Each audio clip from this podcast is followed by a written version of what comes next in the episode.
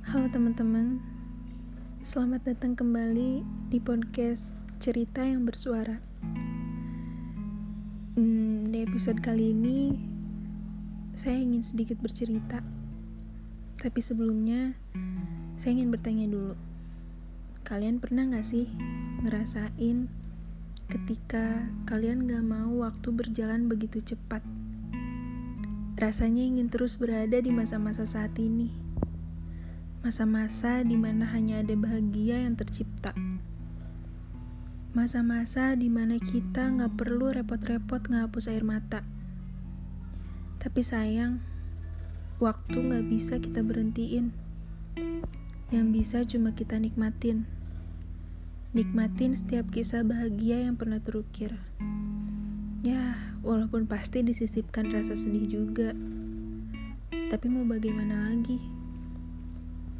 Um, sebenarnya saya tidak pernah mengerti dengan jalan yang sudah semesta pilih untuk saya. Semuanya terbalut teka-teki.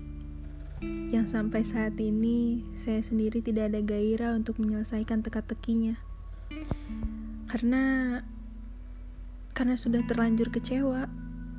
Kecewa dengan kenyataan. Tapi Waktu yang membawa saya perlahan menerima kenyataan yang sama sekali nggak buat saya bahagia.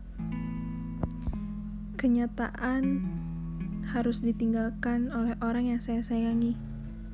Kenyataan bahwa ternyata hanya saya sendiri yang mencintai.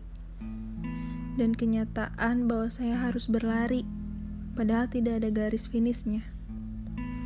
Um, tapi nggak apa-apa Kenyataan itu cuma perlu kita pahami bahwa nggak semua keinginan bisa menjadi nyata.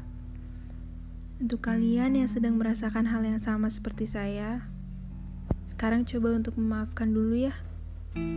Memaafkan keadaan. Setelah itu, lanjut ke level selanjutnya, yaitu mencoba mengikhlaskan. Karena hanya itu kunci dari meredam rasa sakit dan amarah. Semangat ya, kenyataan gak selalu indah.